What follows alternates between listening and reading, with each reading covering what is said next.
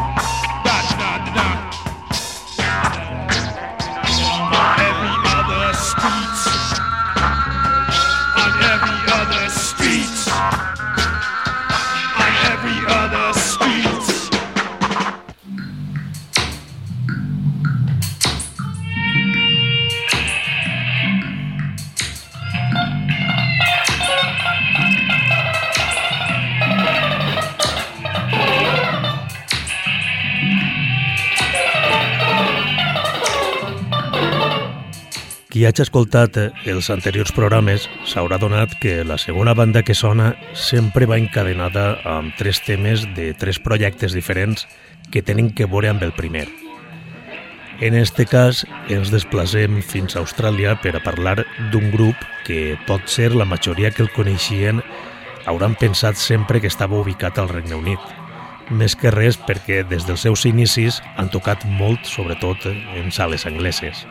Parle de The Birthday Party, banda que es va formar en 1973 amb el nom de The Boys Next Door. Anem a escoltar primer un tema de The Boys Next Door i després vos parle dels seus membres. The Boys és el quart all de Door Door, primer àlbum de The Boys Next Door publicat en 1979.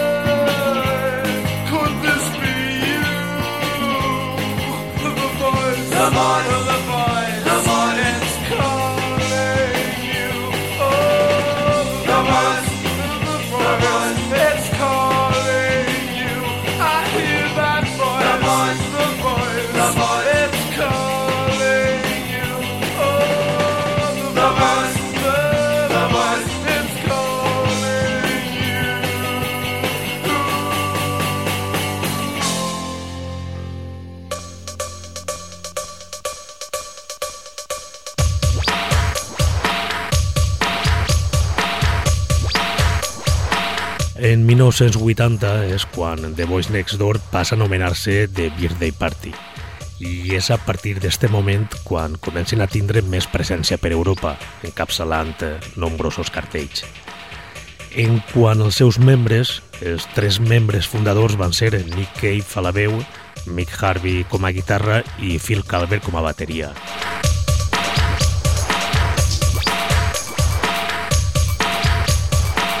El so de The Birthday Party era oscur i estrident i estava basat en estils com el blues, el free jazz i el rockabilly.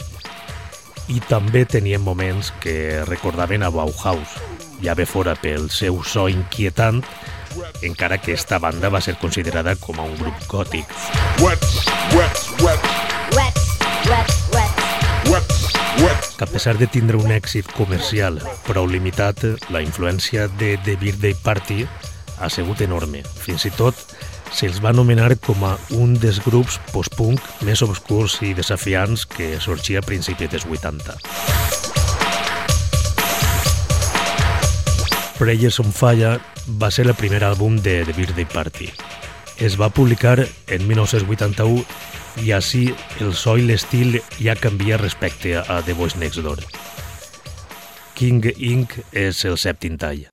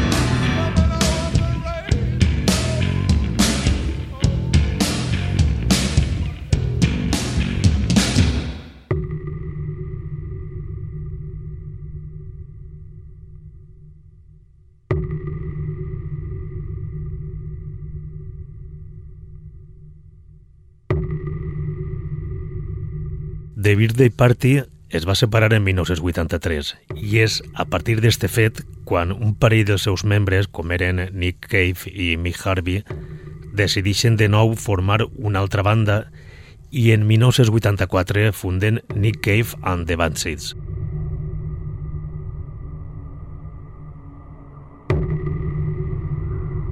Amb este projecte, Nick Cave va començar també a treballar paral·lelament en solitari i a donar-se molt més nom com a artista. Actualment, tant Nick Cave com la seva banda estan actius i amb un excel·lent estat de forma, publicant nous treballs, però ens quedem en 1998 per escoltar Animal Static, quarta pista de The Story, un disc amb el qual el cantant australià parla per damunt de la música. Windowless. My shack is windowless. Once there was a window, three in fact, but I sealed them up with planks. I cemented the ledges in broken bottles just in case.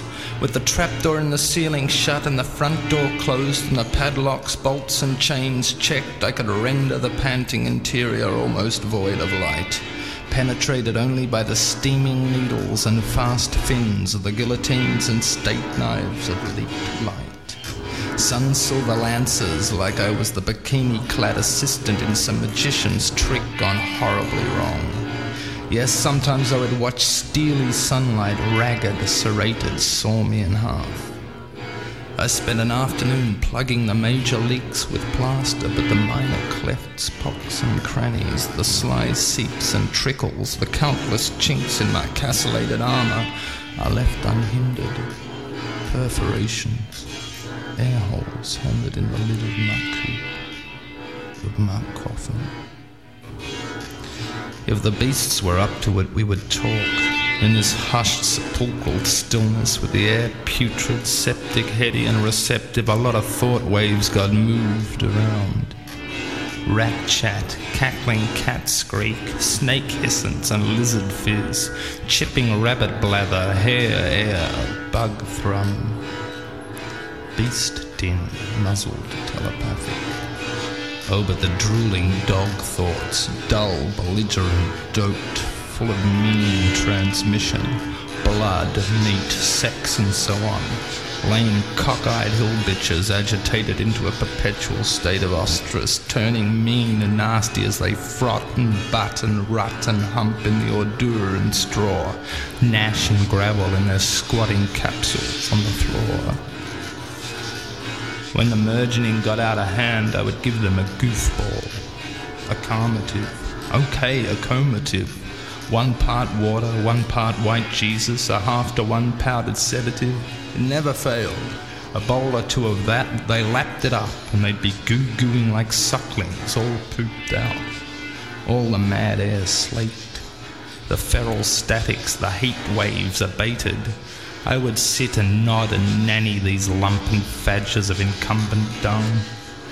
There were no in between moods, no slippers brought to the bedside, no hobble around the block. Either those brutes were in a state of high coma or they were coming at your face. But that's the way it had to be. That's the way I wanted it. It's the way God had it organized. That pack of riggish bitches and low bloods, oh, they will get their chance to make good, like me.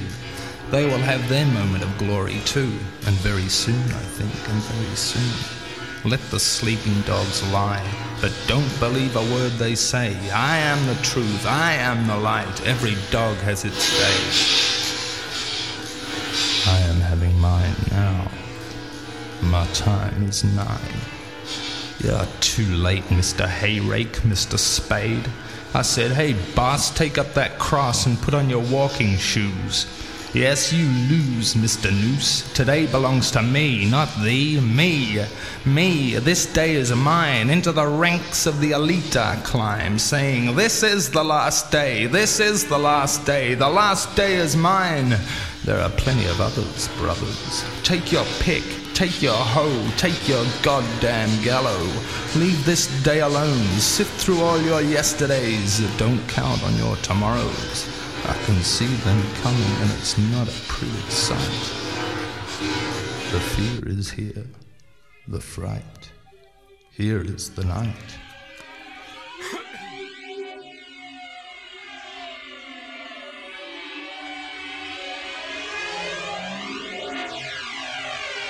Ara sí que canviem totalment de registre, que no d'ubicació per a endinsar-nos en un paisatge cru i encara que ens quedem per terres australianes, l'estil d'esta banda és completament diferent, ja que està orientat cap a l'industrial i el noise.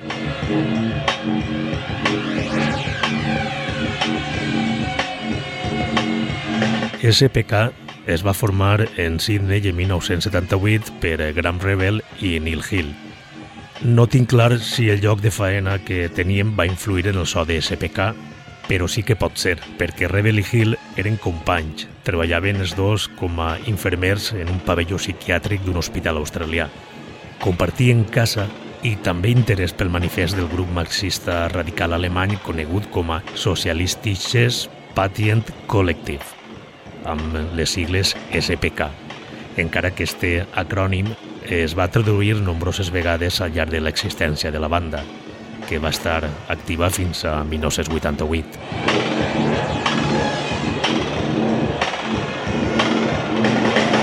que SPK va marcar una era amb el ruidisme.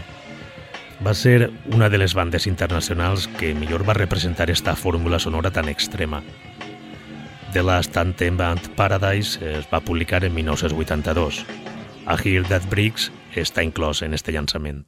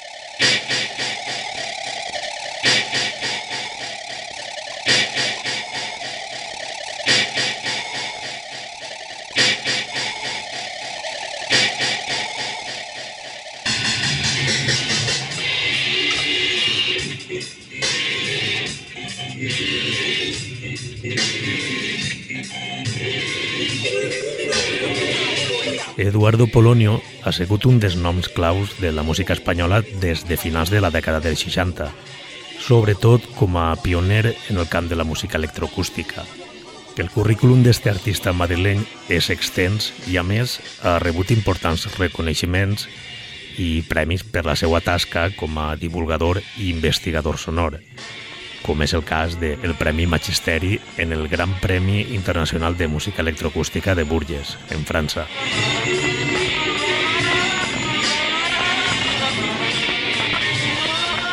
Eduardo Polonio és el responsable d'un estil personal de treball que no ha seguit influències ni estils d'altres autors i inclús ha ampliat eh, les col·laboracions a altres disciplines artístiques com la pintura, l'escultura, el cinema o el videoart. El seu treball, a més de ser extens, ocupa un lloc important en el terreny didàctic.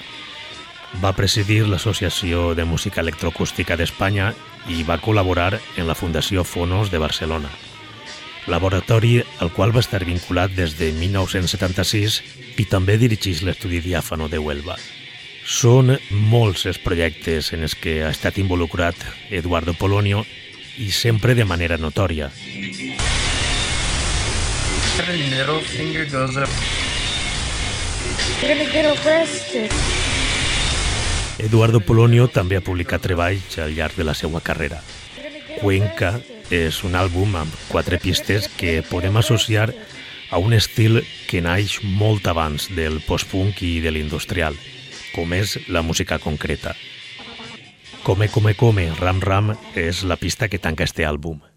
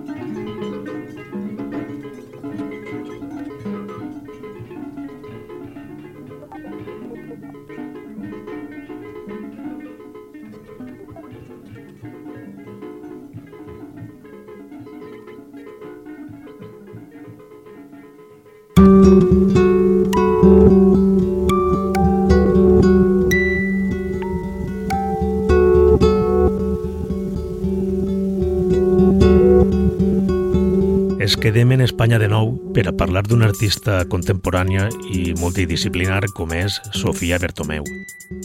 Sofia Bertomeu desenvolupa una àmplia activitat artística en diversos camps com l'art sonor, la fotografia, el videoart i el disseny gràfic. La seva obra es basa en conceptes com els secrets emocionals, la investigació profunda d'eu mateix i l'evasió de la realitat. Sonorament pot induir tant a la reflexió com a l'alliberació de la consciència.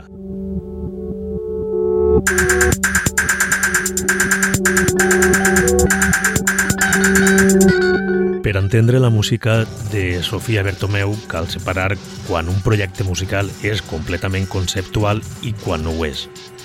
El concepte com a sistema motor d'una col·lecció de peces sol estar més vinculat a l'art sonor. La producció d'un àlbum sol ser diferent. Pot reunir temes influenciats per algun concepte en si, però no es tracta d'un bloc de peces que estan unides per una mateixa idea.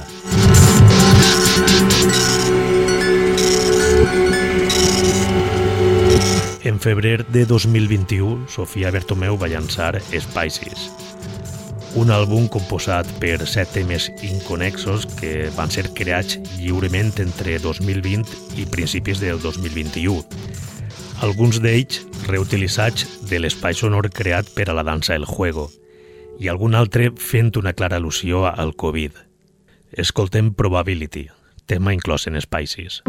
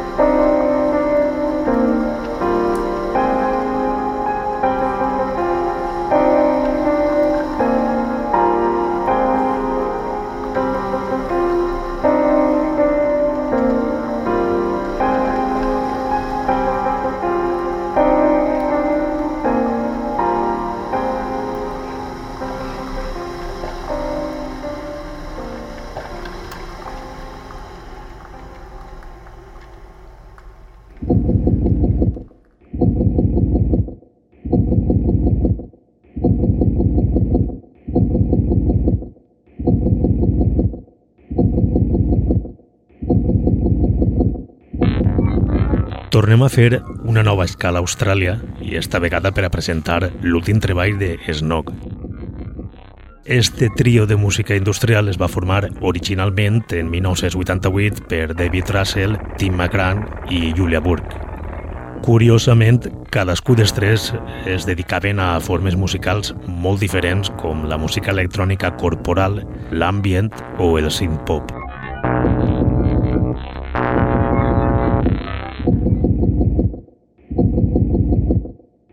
Snog no va tindre activitat fins un parell d'anys després, ja que en Austràlia no va tindre una bona acollida.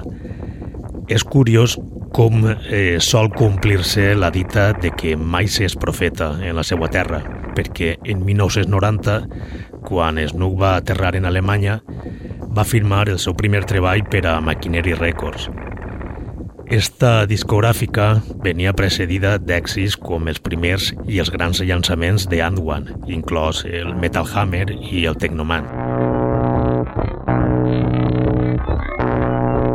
Actualment, Snog és el projecte en solitari de David Russell i el més recent que ha publicat és Jade, àlbum publicat en setembre de 2022 en el setxell australià Lymore Editions un conjunt de remescles i de material fresc que barreja estils com el dark pop, l'EBM, el post-punk i també l'industrial. Escoltem el primer tall que dona nom a l'àlbum.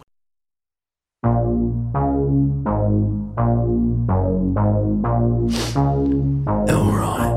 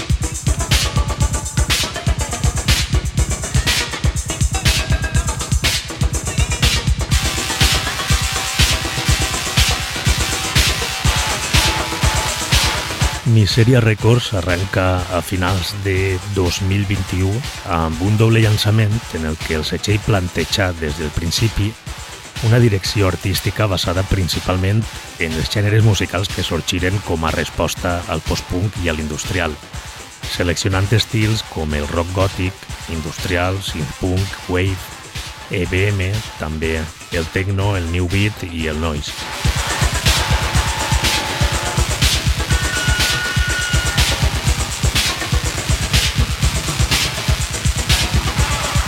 Este setembre passat, Miseria Records, setxell de Carlos Grabstein, va publicar tres nous àlbums amb una idea sonora molt treballada i molt ben seleccionada.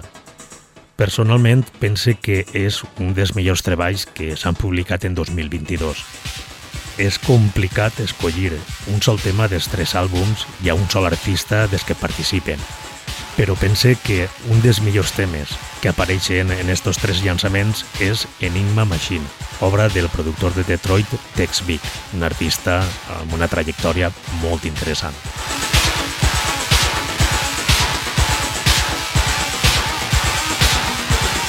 Acabem amb Enigma Machine de Tex Vic, esta edició de Fluim. Vos espere la pròxima setmana. Salutacions de Ximo Noguera des del Cira Ràdio i també per a la xarxa d'emissores municipals valencianes.